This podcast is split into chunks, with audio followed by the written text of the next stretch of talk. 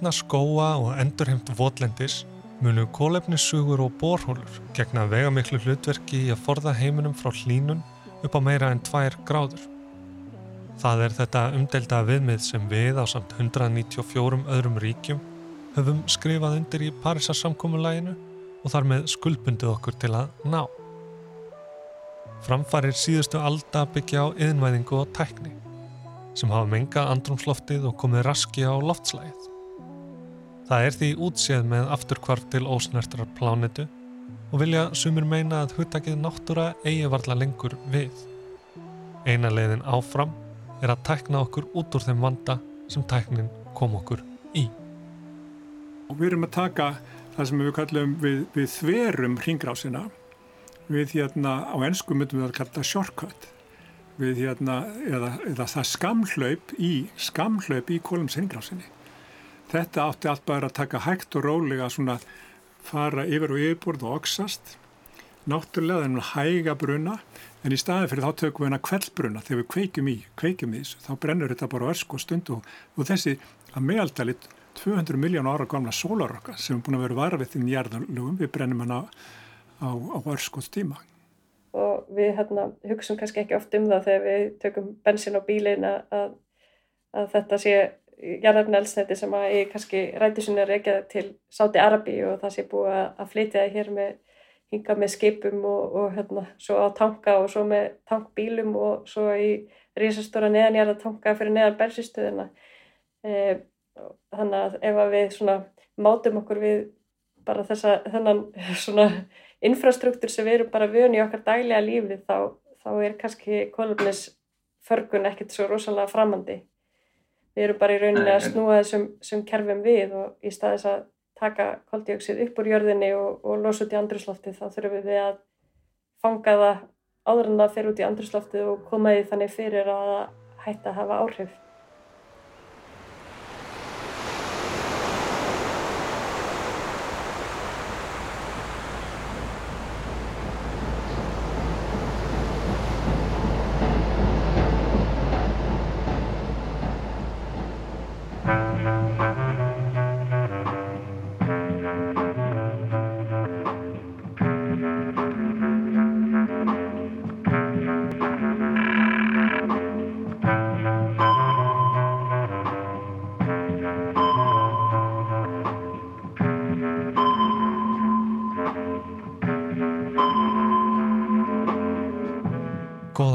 Daginn ágæti hlustandi, við erum Snorri og Tómas. Og þetta er Ratsjá. Í Ratsjá sendum við merki út í veröld vísinda og tækni og segjum frá því sem berst tilbaka. Og í þessum þætti ætlum við að fjalla um svo litið umdeilt fyrirbæri, jarðmótun. En það eru markvissar, stórtækar og ekki síst stór huga aðgerðir til að hafa áhrif á loftslægið.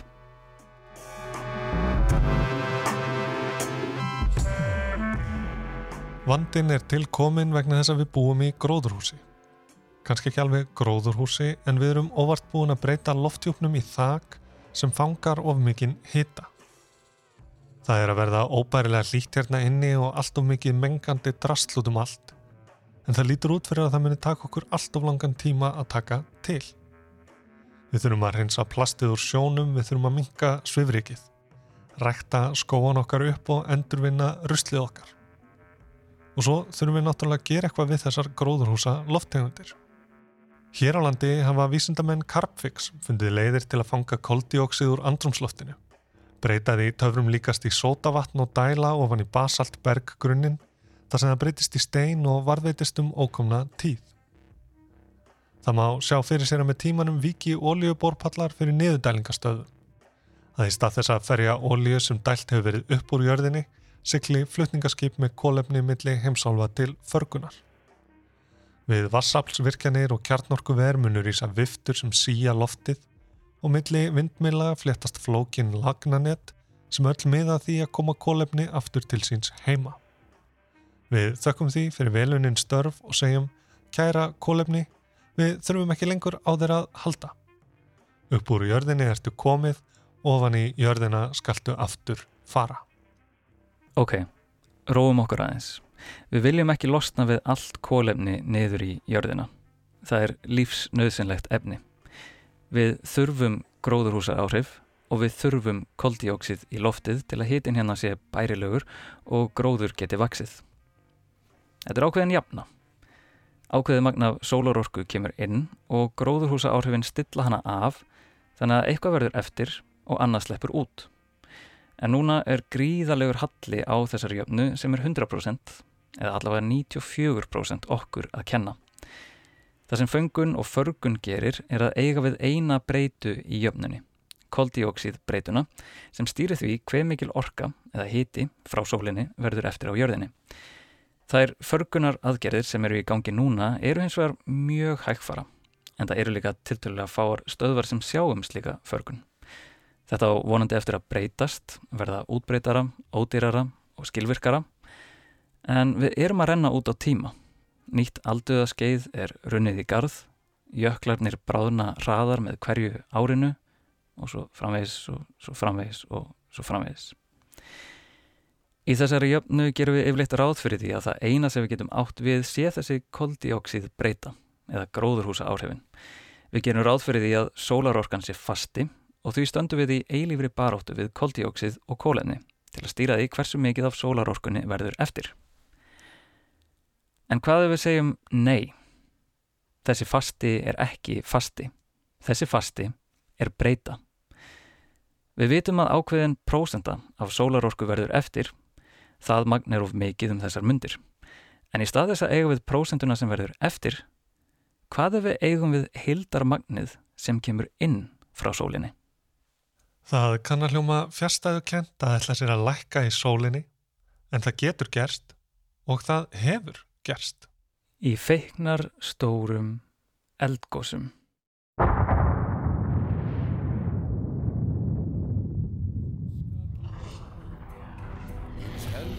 þrýsti sér upp gegnum ís öskunni spjó og létt falla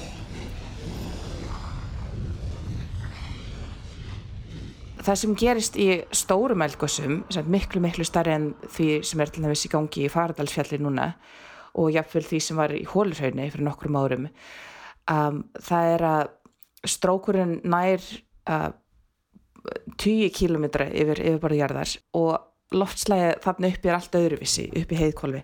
Við heyrum hér í Evgeníu Iljanskæju, dósend í eldfellafræði við háskólan í Leeds. Það er þannig að, að lægi sem er næst í öðru niðri, það, það heitir veðrakvolf og það er svona skemmtilegt íslenskt orð. Það er unni, segir svona hvað þýðir bara í orðinu sjálfu, það í veðrakvolfinu er veðrið, það er regningin um, og önnur úrkoma. Og þar tilturlega hratt myndi um, hreinsa, hreinsa þessar lottmengu sem kæmi frá eldgóðsunu en fyrir ofan það í heiðkólu þar sem að við til dæmis þegar við förum upp í borðu í fljúvél þá er alltaf rosalega gott veður þegar maður er komin upp í max hæð það er, það er, það er engin skí, það, það er ekkert veður þarna uppi um, og loftmengunin sem er þarna hátt uppi hún, hún getur bara verið þarna árum saman það er ekkert sem hreinsar hana, það er ekkert sem þrýfur hann í burtu. Það er nefnilega þannig með eldfjöld sem gjósa að þrátt verið að þau losi talsvert af koldioksíði geta þau kælt alla jörðina. Það er svolítið merkilegt með öskuna. Það halda flestir sem að kannski þekk ekki mikið til en þá að það er askan sem að dreifir svona sér rosalega um hnöttin og, og blokkar út sóluljósið og kælingin kemur aðlega frá öskunni. En það er bara ekki rétt, bara alls ekki rétt. Askan er rosalega eðlistung hún fellur ofsalega fljókt til jarðar. Bara það, ber, það berst kannski eitthvað aðeins af henni svona uh, 100.000 km en það, það er alltaf lítið til þess að, til þess að orsaka þessi gríðastóru áhrif á bara loftslæðið á allir jörðinni. Auðvitað uh, er ofsalega vond fyrir fólk og dýr og plöntur að lenda í öskufallir nær eldstöðinni frá svona stórum elgósum þau bara kapna hreinlega ef við erum að tala um það þannig. Það mun allir eftir umhverfisáhrifum frá eigafjallajökulskossin á Íslandi á bondabæina þannig kring. Það var allt bara í svona ösku drullu um, en, en upp á ef við að tala um umhverfis loftslagsáhrif þá er það ekki askan Það er sem sagt ekki nóg að sverta heiminin með eldfjalla ösku og sótugum reik. Nei, það er önnur að var sérstökur loftmengun sem sleppur út úr spúandi gígum eldfjallana. Náttúruleg mengun sem getur á vissanhátt unnið gegn þeirri koldioksísmengun sem við mannfólkið völdum. Þetta er efnasambandið SO2 eða brennisteins dióksíð. Við skulum heyra þess aftur í Sigurði reyni gíslasinni vísindamanni við Jarðvísindastofnun Íslands sem við spjöldluðum við í síðasta þætti. Í stórum elgósum, hraungósum eins og Lagagíagósunu 1782 í mann rétt að þá á 8 mánuðum losnum 120 miljóni tonna af SO2. Það er rosalega mikið losun en til þess að gefa tilfinningu fyrir því í hólurheinsgósunu sem að varði byrjaði í september 2014 og stóði í 6 mánuði endaði í lok februar 2015 þá losnaðum 12 miljónir tonna 11-12 miljónir tonna það er sem 10 sinna minna. En það var jafn mikið og allir Evrópabúar losuðu allt árið á undan. Þannig að þetta eru svolítið stóra tölur og það sem gerist í, í lagagíagósinu að þá þegar að brennsest tvíósið kemst upp til andrus, í andrusloft og sérstaklega þetta stórkó sem er að þeysa þessu alveg upp í heiðkólu fyrir ofan andrusloft að þá þegar að sólarljósið kemst að þessu að þá er hægt að oksa bæta fleiri súrefnus því, við þetta efnasamband í staðan fyrir sé S og 2 þá er að H2S og 4 brennisteins síra og brennstinn síran getur myndað í þurrulofti agnir. Pínu, pínu lilla agnir. Það eru svona um 1 mikrónmetra að þarmáli. Þetta er 1 þúsundist úr millimetra, pínurítið. Og þessi stærð skiptir máli af því hún blokkar sólarljós og í rauninni það sem gerist í svona stórum elgóðsum, það er ofslega mikið á þessum ögnum, nógu mikið til að að vera eins og teppi við jörðinni. Þannig að sólaljósi sem er að koma inn, það kemist ekki gegnum þetta teppi og fyrir bara aftur út í geim. Eða þá bara hreinlega kólnar jörðin. Og um, það er talið að, að árin á eftir, hérna lagagíagósið, að þá hafi jörðin kólna töluvert. Ég man ekki alveg í sipum hvaða var, en við vorum að tala um eina til tvær gráður, hugsa ég og ábyrg okkar er mikil því að margir vilja meina jafnvel að þetta vári til þess að frakkar gerðu uppreist og franska byltingi var þarna þeimu þreymar árum setna. Einn til tvær gráður þá voru hamfara kolnun. Í kjálfarin lagagíagossins getti mikill að harðenda á Íslandi, móðu harðendana. Þar fjall 75% búfjár og 50 hver maður á landinu lést í kjálfar eldana. Bæir, brunnu, ár, þornuðu og öskunni kingdi niður. Og út í heimi var ástandið lítið skára. Miklar frosthörkur gengu yfir Norður Ameríku sem urðu til þess að Mississippi áinn fröys á sínum síðsta punkti í New Orleans. Og í Japani talið að gósáhrifin hafi magnað viðverandi hungursneið. Einni er talið að kælingin hafi meira segja hrift við takti monsúnkerfana í Norður Afríku svo ekki sé talað um eitraðan reykjarmökkin sem lagði yfir Evrópu og blóðgaði sólina á himninum. En 1-2 gráður í dag er ekki að sama á 1-2 gráður þá. Í dag er það einlega akkurat það sem við þurfum. Og ef við fáum græna byltingu í kaupæti, erum við þá ekki nokkuð vel sett. Myndið ekki bara gera okkur gott að fá nokkur stór gós eins og til dæmis í eigafjallajökli, bara fjarrri mönnum og dýrum. Eigafjallajökulskósi var ekkert stórt og lítið gós en hafði mikil áhrif og ástæðan eru tvennslags. Fyrstulega vegna þess að stærstur hluta þeirri kviku sem kom upp breytist í ofbóslega fína gjósku sem var bara eins og kveiti og gætt þeirrlegandi verið í sveimað í andurslofti dögum og jafn vikum saman. Reglugerðin var þá á þessum tíma ef að reiknilíkun myndu spáði að það var einhver gjóska í andurslofti, það máttu ekki fljúa þar. Og það er bara samband við okkur, hérna, eða það er bara tekla ákvörun, stóru hluti all flugum, allir vestur eru bara lokað. Og það er reglugerir áhrifin sem hafði mikil áhrif á þetta og eftir vikulokun þá var alveg rosalega pressa að létta banninu og Rolls-Royce var búin að þá búin að pressa svo, Rolls-Royce á flesta þoturheifla á, á, á, flug, á flugvölum í heiminu var að reyna að pressa á Rolls-Royce að skilgrina eitthvað styrk sem mætti nota. Þeir komu sér niður á styrk sem var einmann rétt 2 milligram í rúmmetra á, lofti á gjósku. Það myndi, hún myndi geta tekið við því móturotnir og það enda með því að það, það var gefun út mjög óljós yfirlýsing, það var ekki alveg ljós hver bæri ábyrðaði að þetta var í lagi og það bara fór fluga stað bara, og þá var þetta svona verið, það voru svona stuttarlokanir en ekki miklar. Ástandir í dag þá er þetta miklu meira ábyrð flugfélagana og flugmanna að taka ákvæmum hvort þau eru flugið ekki. En eiginferðlega áhrifum hvað það hefði mikil áhrif á kólefnislosun á þeim tíma það var líklega meira sem að sparaðast við að stoppa umföruna heldur en það sem eldfjalli var að gefa frá sér. Ég spyr mér þá, væri hægt að setja eldfjall af stað til að ná fram jákvæðum áhrifum, svona eins og að setja sápu í geysi? Ég, það er, þetta er náttúrulega mjög spennandi spurning.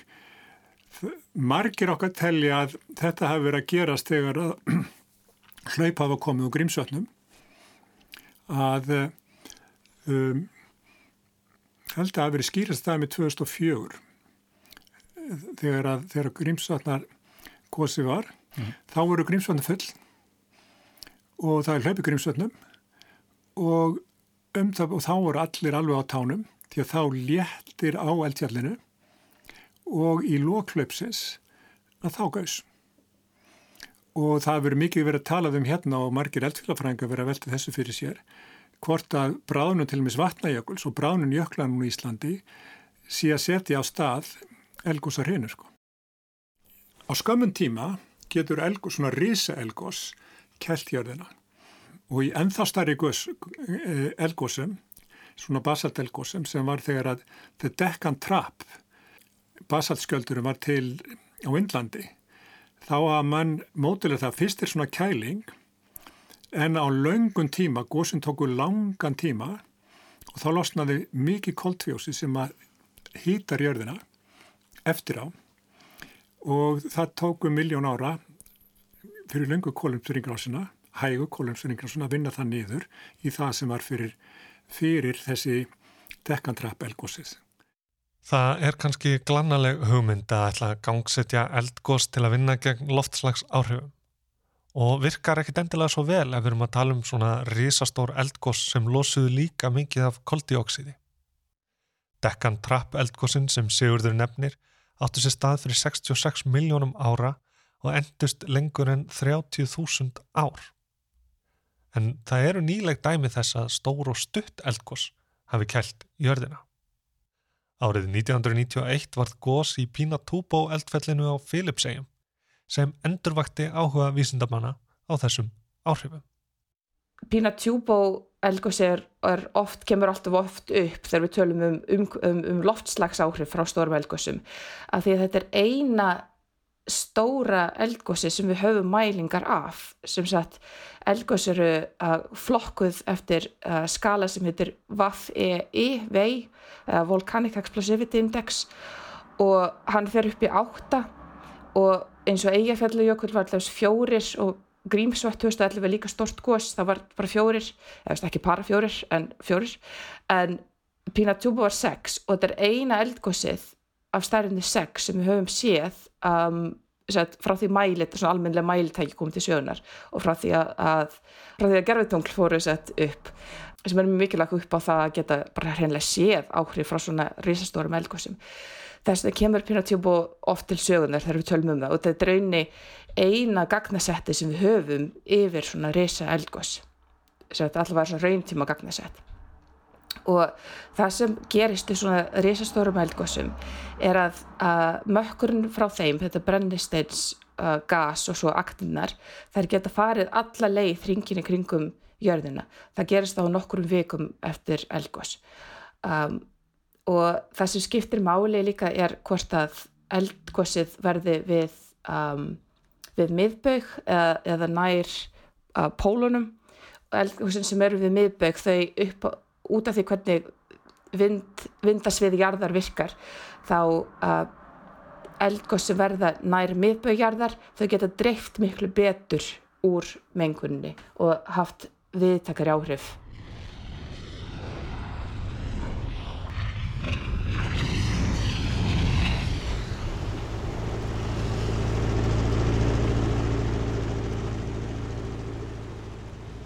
Það hafa verið hugmyndur um að gera eitthvað svipað, að reyna að, að þeisa svona brennisteinsögnum upp fyrir andursloftið og bara varna þess að sólagislandi komist inn og kæla jörina en hvað er að kæla hana mikið og hvað getur við stjórnaði hárfínt, hvað hann kólna mikið. Þetta er allra, allra síðastalust í mínum huga, allra síðastalust.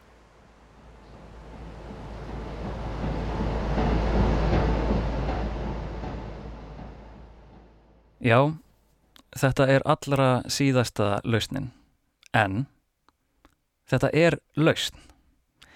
Þetta er einn umdeltasta tegund jarðmótunar að líka eftir áhrifum eldgosa og því er það tilvalið efni til að skoða betur hér í Ratsjá. Förum aðeins aftur í tíman.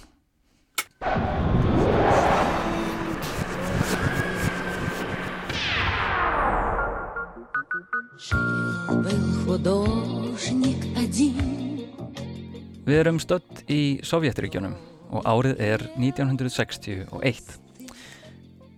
Eða, býtu nú við, þetta er ekki 1961, þetta lag er frá 1983. Býða eins.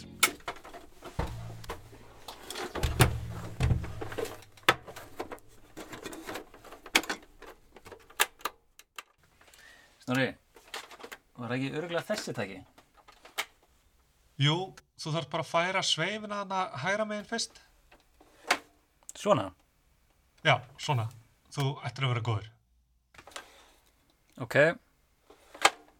1961.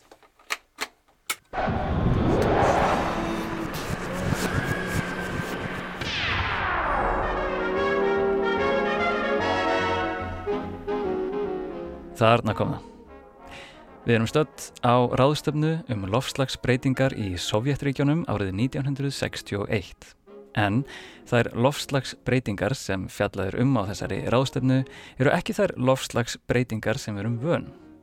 Hér velta hátsettir vísendamenn í kommunista veldinu fyrir sér hvort nöðsjanlegt sé að framkvæma stórtækar breytingar á lofslægi jarðarinnar vegna komandi hlínunar vandamáls sem vísindamæðurinn Mikael Búdíkó hafði skilgrænt. Vandamálið er kunnulegt. Búdíkó taldi að aukin orkunótkun mannsins myndi leiða til mikillar koldíoksíðs mengunar í heiminum og ef haldið væri áfram að brenna kólefni myndið hafa gríðaleg áhrif á lofslag jarðarinnar. Svo slæm áhrif að á 200 árum frá með 1961 geti fjölbreytilegi lífs á jörðinni dreyist saman jafnvel svo mikið að engin tegund yrði eftir. Þess vegna erum við á ráðstefnu í Sovjetríkjónum, þar sem vísindamenn vega og meta hvaða tækni þeir hafa í höndunum til að takast á við þetta stóra og hættulega vandamál. Þeir higgjast sem sagt ætla að tækna sig út úr vandanum með loftslags breytingum. En þessi ráðstefna er ekkert sérstök nema kannski að einu leiti. Hún er ein af fáum sem heimildir eru tilum sem fjalla ofinberlega um þetta einkennilega málefni á þessum tíma. Breytinga möguleika á loftslægi jarðarinnar. Undanfærin ár höfðu stórveldin stundað leynilegar rannsóknir á möguleikum loftslags og veður breytinga í hernaðarskinni. En á þessum tíma voru líka setta fram hugmyndir eins og stóra plan Stalin sem að umbreyta allri náttúru Sovjetríkjana í manngert umhverfi að besta náttúruna svo að segja og ná algjörum tökum á henni. Hinum megin við hafið kom Lyndon B. Johnson bandaríkjafósiti upp um drauma sína í gegnum ræður þar sem hann talaði um sérstöðuna í geimnum. Að það ríki sem geti hreyðrað um sig þar myndi sannlega öðlast guðurlegu völd á veðrinu og geta stjórnað þurkum og flóðum í heiminum. En eins og við vitum nú þá fylgja þessi völd ekkit í kaupæti fyrir það eitt að komast út í geim eða á sporbög eða á tunglið. En stórveldin ætluðu sér sem sagt algjört vald yfir lífriki plánendunar og til þess töldu þau sig þurfa að öðlast stjórn á veðrinu og loftslæginu. Og þar voru vísindin likillin. Talið er að margir leinufundir og leiniráðstefnur hafi verið haldnar um vopnvæðingu veðursins en einnig eru til heimildir um að leinilegar veðurbreytinga aðferðir hafi verið prófaðar til að mynda í Vietnamstríðinu með ýmsum afleiðingum. En í byrjun sjönda áratugurins hveður við nýjan tón. Hugsanlega og aðeins hugsanlega hefur all þessi stúdía á veðri og loftslægi í hernaðaskinni komið gróðurhúsa áhrifunum og áhrifum kólefnisbrennslu almennelega á kortið. Á fyrrnemndri ráðstefnu í Leningrad 1961 eru vísendamenn ekki kominir saman til að bera saman bækur sínar um vopnvæðingu veðursins eða hvernig megi öðlast reygin völda á náttúrunni. Nei, nei, þeir eru þarna undir formerkjum nöðsinjarinnar. Þeir treysta reikningum annara vísindamanna á tengslum kólefnisbrennslu mannsins við aukin gróðurhúsa áhrif og óttast afleðingarnar en þeir hafa ekki hugmyndum hvernig þeir eiga að takast á við slikt vandamál. Ráðstöfnan endar því eins og svo margar loftslags ráðstöfnur dagsins í dag. Þeir telli sig þurfa frekari rannsóknir á áhrifum koldíóksiðis til að geta sett fram mögulegar lausnir.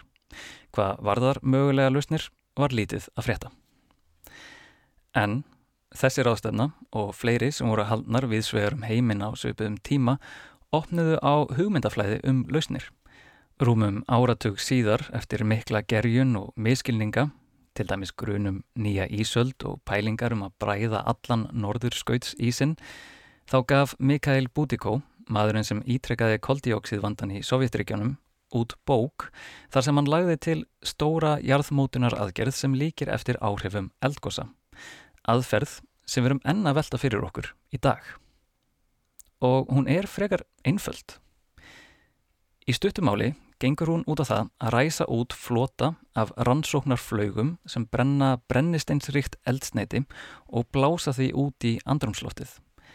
Brennisteins díoksíðið sem losnar við brunan myndar síðan, eins og Sigurður lísti áðan, brennisteins síruagnir í heiðkvólfinu sem endurvarpa sólaljósinu aftur út í geim og þekja jörðina með eins konar kælandi slæðu eða teppi. En aðferðin nefnist einmitt bútikó teppið. Í dag hefur tillaga hans eiginlega ekkert breyst.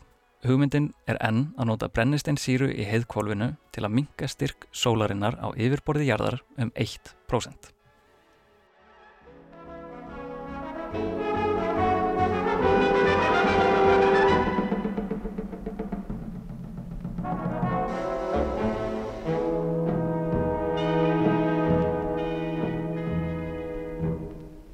Það kannski hljómar svolítið svona einfalt að segja ok, framkvæmum það bara svona manngert eldgós og, og dælum fullt af brennsteinsoksiði upp í heiðkólfið og kælum. Þetta er Evgenia, eldfjallafræðingurinn sem við heyrðum í áðan. Ég finnst alveg það er ofsalega og ofsalega mikið á brennisteini uh, og svo það þarf náttúrulega að koma þau öllu upp í heiðkólfið og eftir því sem ég best veit, þetta er einn af punktum sem er bara alls ekkert búið að leysa. Það þarf eitthvað svona faratæki sem getur farið með uh, miljónatónnum af þessu brennsteinsoksi ef við erum að bera þetta saman uh, við faradalsfjall þetta er svona um, hundra sinu minna er að koma úr öllu eldgossinu og náttúrulega það er ekki kannski mörg uh, marga fljúvila sem getur borðið þetta ef nokkrar. Um, önnur leið sem hefur verið skoðið er að, um, að fá hreinlega eitthvað svona stóra veðurblöðuru sem gæti búrið eitthvað ákveðið mikið. En ég, já, eftir því sem ég best veit þá er þetta bara tæknilegt vandamál sem er ekkert búið að leysa Þetta er vissulega risavaksið verkfræði vandamál en í dag er verið að skoða hvaða leiðir væru mögulegar. Á borðinu eru heill flugvelafloti og loftbelgir meira að segja dælur með 10 km löngum slöngum sem vísa beint upp í loft. Það er ekkert útilokað en vandamálinn eru fleiri en lausninnar áhrifin getur verið svolítið uh, ekki bara kæling og ekkit annað heldur þau getur verið viðtækari til dæmis ef við erum að setja þetta svona skíateppi yfir jörðina þá er auðvilt að yngmynda sér að uh, sóla, hvernig sóljósi kemst í jarðar er öðruvísi, þá er ekki svona lengur heiðskýrt og bara beint brennandi sólaljós heldur svona dreift ljós. Og ef við kannski höfum farið til útlanda uh, það sem er uh, það er alveg hægt að brenna rosalega illa, fá sólbruna þótt þessi skíjað, það er ennþá rosalega mikið á útfjólubláu uh, hérna, útgeislun þrátt fyrir skíin og þetta er svolítið svipað þess að það útfjólublá útgeislun nær til jarðar í gegnum þetta teppi en hún verður ekki bein heldur dreif og akkur skiptir að máli? Það er að því að plöndur vilja mismundi sóljós sumar plöndur elska heiskirt og bara fá beina, sól, beina sólageislun á sig aðra plöndur vaksa betur við eða sko vaksa verfið þannig aðstæður og betur í dreiða sólnösu og, og væst versa Þannig að við erum kannski að taka svolítið ákverðun fyrir plöntulífið á jörðunum við því að gera þetta. Við erum að segja, ok, plöntunar sem að, að vaksa betur í dreifðasóljósinu munu standa sér vel og munu líða vel, en við erum kannski að já, hafa rosalega neikvæða áhrif á hýna plöntunar og þetta er svolítið, eins og fólk getur ímyndið sér, þetta er okkur svolítið keðjuverkun. Þetta er ekki bara einföld ákverðun. Svo uh, eitt annað sem þarf að hafa í huga er að, að það mun rigna minna Það eru tengsl á milli að hlínandi loftslags og hvað sem ekki úrkoma verður og að, en að setja svona teppi í jörðina mun hafa þau áhrif að mun að regna minna og það mun ekki bara það, það er svo að ekki verður ekki beintenginga milli þessu við kælum og það verður minni regning og það er ágætt heldur það verður mismund úrkoma mun breytast á jörðinni við það að, að setja teppi yfir. Þannig það er eitthvað sem þarf að hugsa rosalega vandlega um hvað, hvað hvað áhættu erum við að taka með því að gera þetta og svo eru uh, svona aðri, aðri þættir til dæmis um, það skiptir rosalega með áli hvar þetta uh, manngerða eldgóðsverður hvaða svæði muni kælast mest hvaða svæði muni kælast minnst um, og svo framvegist þannig að uh, þetta er ofsalega svona margir þættir sem að svona eldgós, manngert eldgós myndi hafa áhrif á Og svo er brennisteinn ekkit endilega besta efnið til að sleppa út í andrumslottið. Brennisteinn uh, hefur óslega mikil umhverfisáhrif og getur haft heilsáhrif líka.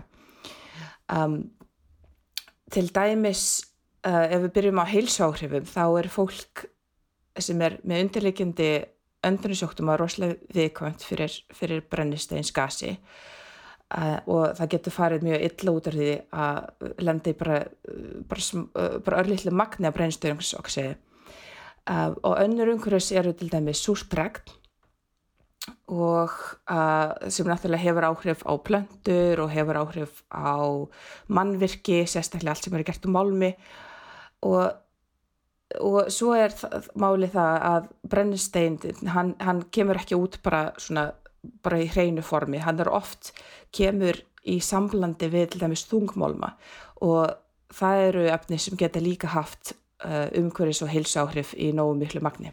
En þá er það auðvitað spurningin, ef til kastana kemur, ef við sjáum ekki fram á að ná settum markmiðum, eru við tilbúin að taka í gikkin fyrir svona aðgerðir?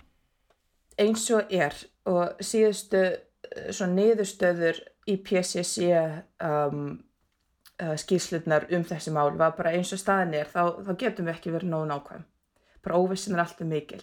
Allt sem ég, er búin að segja hinga til núna um mögulega áhrif þetta er allt byggt af líkanreikningum vit, uh, og sem eru sem hafa ekki það mikil það nákvæm gögnin nema því að eins og ég myndist á, þetta er bara örf á eldgoss sem við, uh, Pílintjúbur er eina eldgossi sem við höfum virkilega góð gögn yfir. Þannig að, eh, nei, ég, ég, ég myndi segja byggt af því sem ég veit er að, að við bara værum, að, værum svolítið að renna blind í sjóin við bara vitum ekki nógu mikið til þess að geta gert þetta eins og stöndur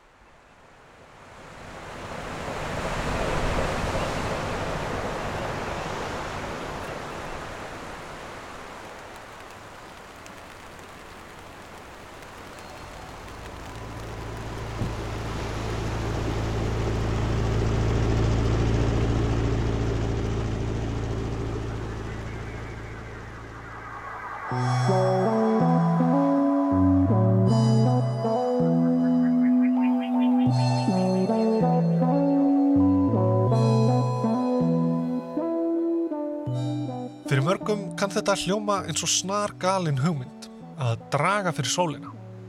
Er það ekki hápuntur ofdrams mannsins að ætla sér að bjarga sér úr þeim vanda sem hann kom sér í með sömu aðferðum, með því að menga andrumsloftið meira? Sólarjarðmótun hefur mætt andstöðu úr mörgum áttum.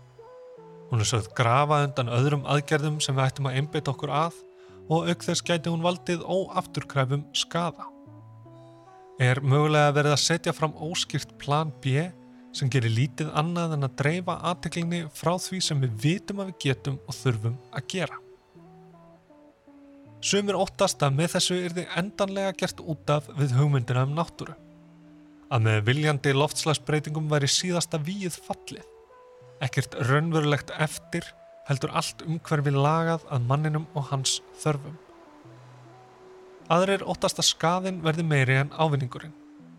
Að hliðar áhrif á ringrás vass og úrkomu, ósónlægið og dreifingu sólaljós muni valda meiri skaða en svo hlínun sem við sjáum fram á.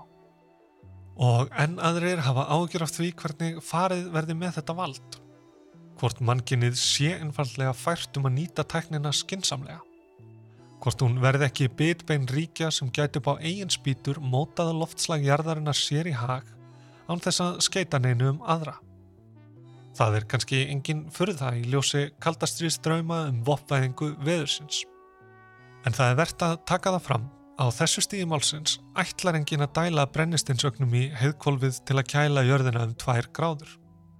Jafnvel helstu talsmenn sólarjarmótunar, menn eins og David Keith, Harvard professor, sem notið hefur stuðnings Bill Gates í þróun kólefnisförgunartekni, viðurkenna að það sé alls ekki nægilega mikið vitað um áhrif og afleiðingar sólarjarmótunar til að hægt sé að ráðast í slíkar aðgerðir. Óvissan er einfallega of mikil.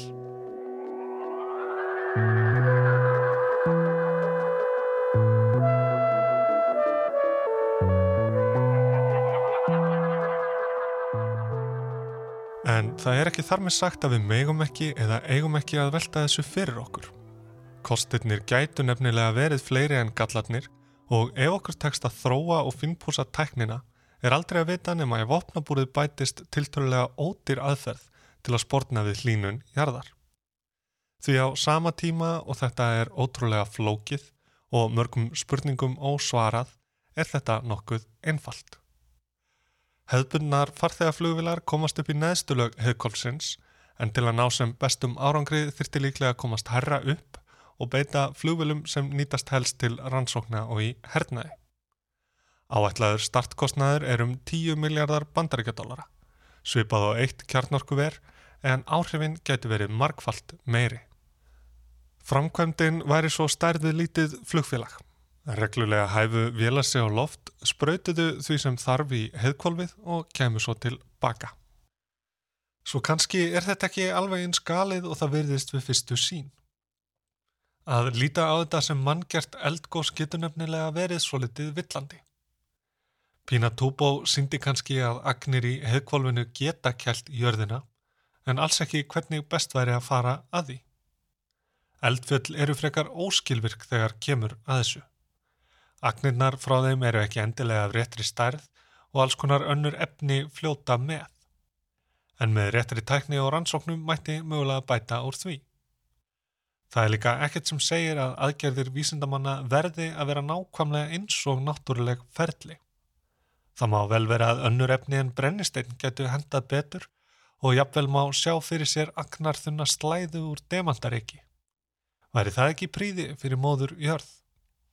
Annað sem stundum gleimist er að hér er ekki verið að stingum á neittni töfralust sem frýjar okkur ábyrð og það getur beinlinis verið varasamt að hugsa sólarjarmótun sem einhvers konar plan B sem við ættum að býða með að skoða í lengstu lög og beita engungu í neyð. Við verðum eiginlega að taka hana alvarlega og reyna að finna svörin, kanna áhættuna og möguleikana áður en við erum í þeirri stöðu að við hreinlega verðum að fara af stað með hana. Því þá gæti það verið of seint. Tæknin væri vannþróið og mun líklæra að eitthvað færi stórkostlega úrskiðis. Sólarjarmótun mun aldrei koma jafnvægi á loftslagjarðar. Hún mun ekki bjarg okkur ein og sér heldur er hún meira eins og frestunartakki. Virkni agnana dvína nokkur hratt og því þarf sífælt að bæta við til að halda áhrifunum gangandi. Eitt risastórt gós eins og Pína Túbó er nót til að kæla um halva gráði í 1,5 til 2 ár, svo það þarf mun meira til ef áhrifin eiga vara í lengri tíma. Annars er hægt við að uppsöfnuð hlínun skelli á okkur öll í einu. Líkön sína einnig að kælingin kemur fram með ólegum hætti á mismunandi stöðum. Sumir koma betur út en aðrir. Ef við myndum til dæmis nota sólarjarmótun til að halda loftslæginu í Kína innan marka er hægt við að kælingin er þið of mikil fyrir Indland. Og öfugt, ef við höldum Indlandi innan marka er ekki nóggjert fyrir Kína. Þetta veldur vissulega áhyggjum og ef sólarjarmótun er þið notuð til að kæla um 1,5 til 2 gráður er þau alltaf einhver svæði sem kæmu illa út úr því. Mest sannfærandi sviðsmyndin sem sett hefur verið fram fælst í að nota sólarjarmótin til að fletja kurvuna, fara rólega af stað og beita hóflega. Ekki endilega til að kæla heldur til að draga úr hlínun. Heildar ávinningurinn er þið minni en við fulla kælingu en til eru sviðsmyndir þar sem ekkert svæði jarðarinnar kæmi verð út en ef ekkert er þið aðhafst. Þetta er andrýmis hugmyndin sem gengur út á að kaupa okkur tíma til að gera allt hitt sem við þurfum að gera. Hætta losun, skipta yfir í endur nýjanlega orkugjafa, fanga og farga kólefni, aðlagast breyttum aðstæðum og svo framvegis og svo framvegis og svo framvegis. Þegar þetta er komið í lag væri hægt að þinna teppið á ný. Rétt eins og Carbfix og önnur kólefnisförgunar fyrirtæki stefna á eigið atvinnuleysi, eða allavega að verða óþörf, þá færu flugvélarnar einn daginn sína síðustu ferð. Sólar jarmótun hefði skilað sínu, lagt sett af mörgum í markþættu stríði mannsins við afleiðingar eigin gjörða. Munið að slökkva ljósin og skrúa aftur upp í sólinni á leiðinni út.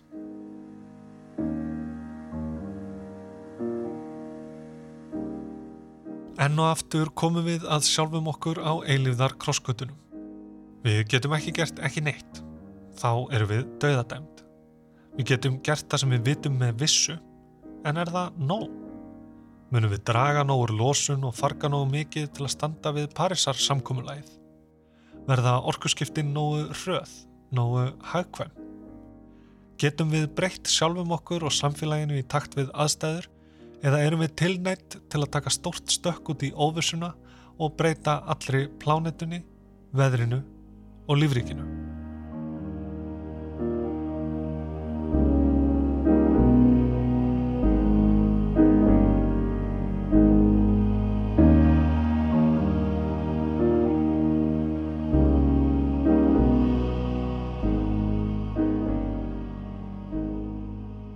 Auðvitað villengin standa í því að takast á við þessi vandamál.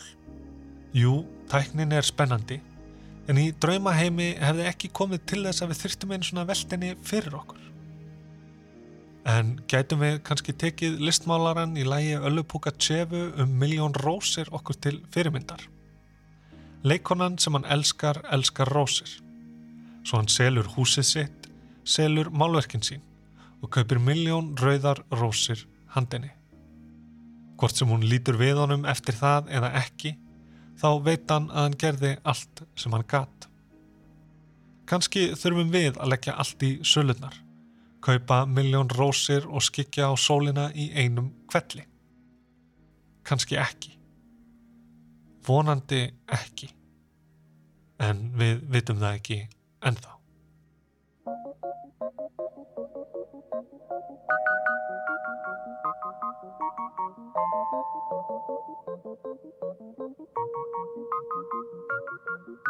Жил-был художник один,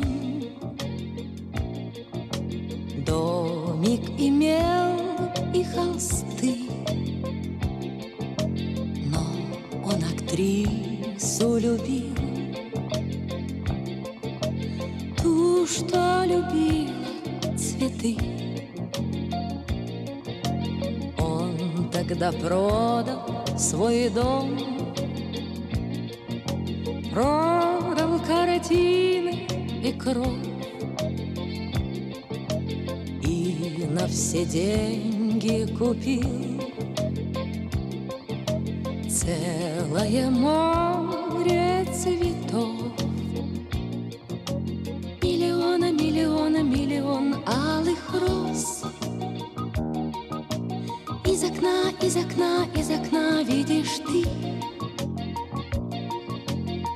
влюблен, кто влюблен, кто влюблен и всерьез Свою жизнь для тебя превратит в цветы. Миллиона, миллиона, миллион алых роз Из окна, из окна, из окна видишь ты. Кто влюблен, кто влюблен, кто влюблен и всерьез жизнь для тебя превратит в цветы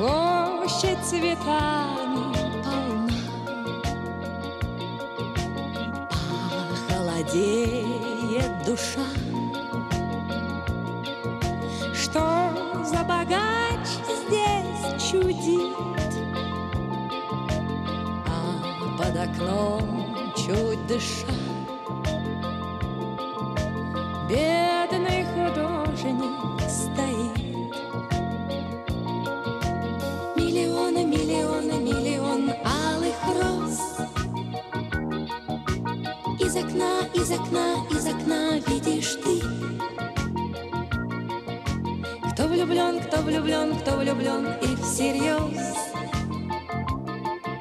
Свою жизнь для тебя превратит в цветы.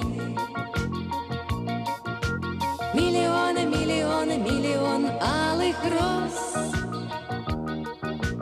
Из окна, из окна, из окна видишь ты. Кто влюблен, кто влюблен, кто влюблен и всерьез Свою жизнь для тебя превратит в цветы. Встреча была коротка В ночь ее поезд увез. Но в ее жизни была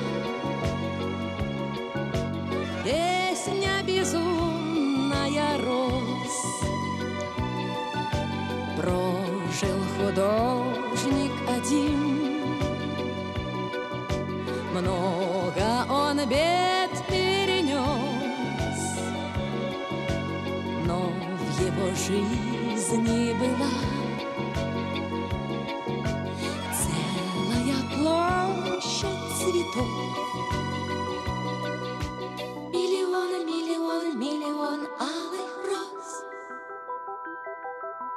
Из окна, из окна, из окна видишь ты.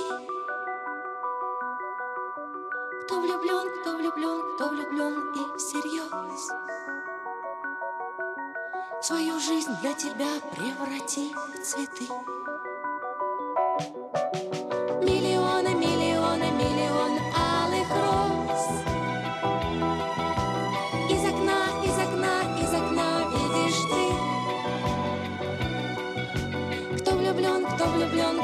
влюблен и всерьез Свою жизнь для тебя превратит в цветы. Миллионы, миллионы, миллион алых роз. Из окна, из окна, из окна видишь ты. Кто влюблен, кто влюблен, кто влюблен и всерьез Свою жизнь для тебя превратит в цветы Миллионы, миллионы, миллион алых роз. Из окна, из окна, из окна видишь ты. Кто влюблен, кто влюблен,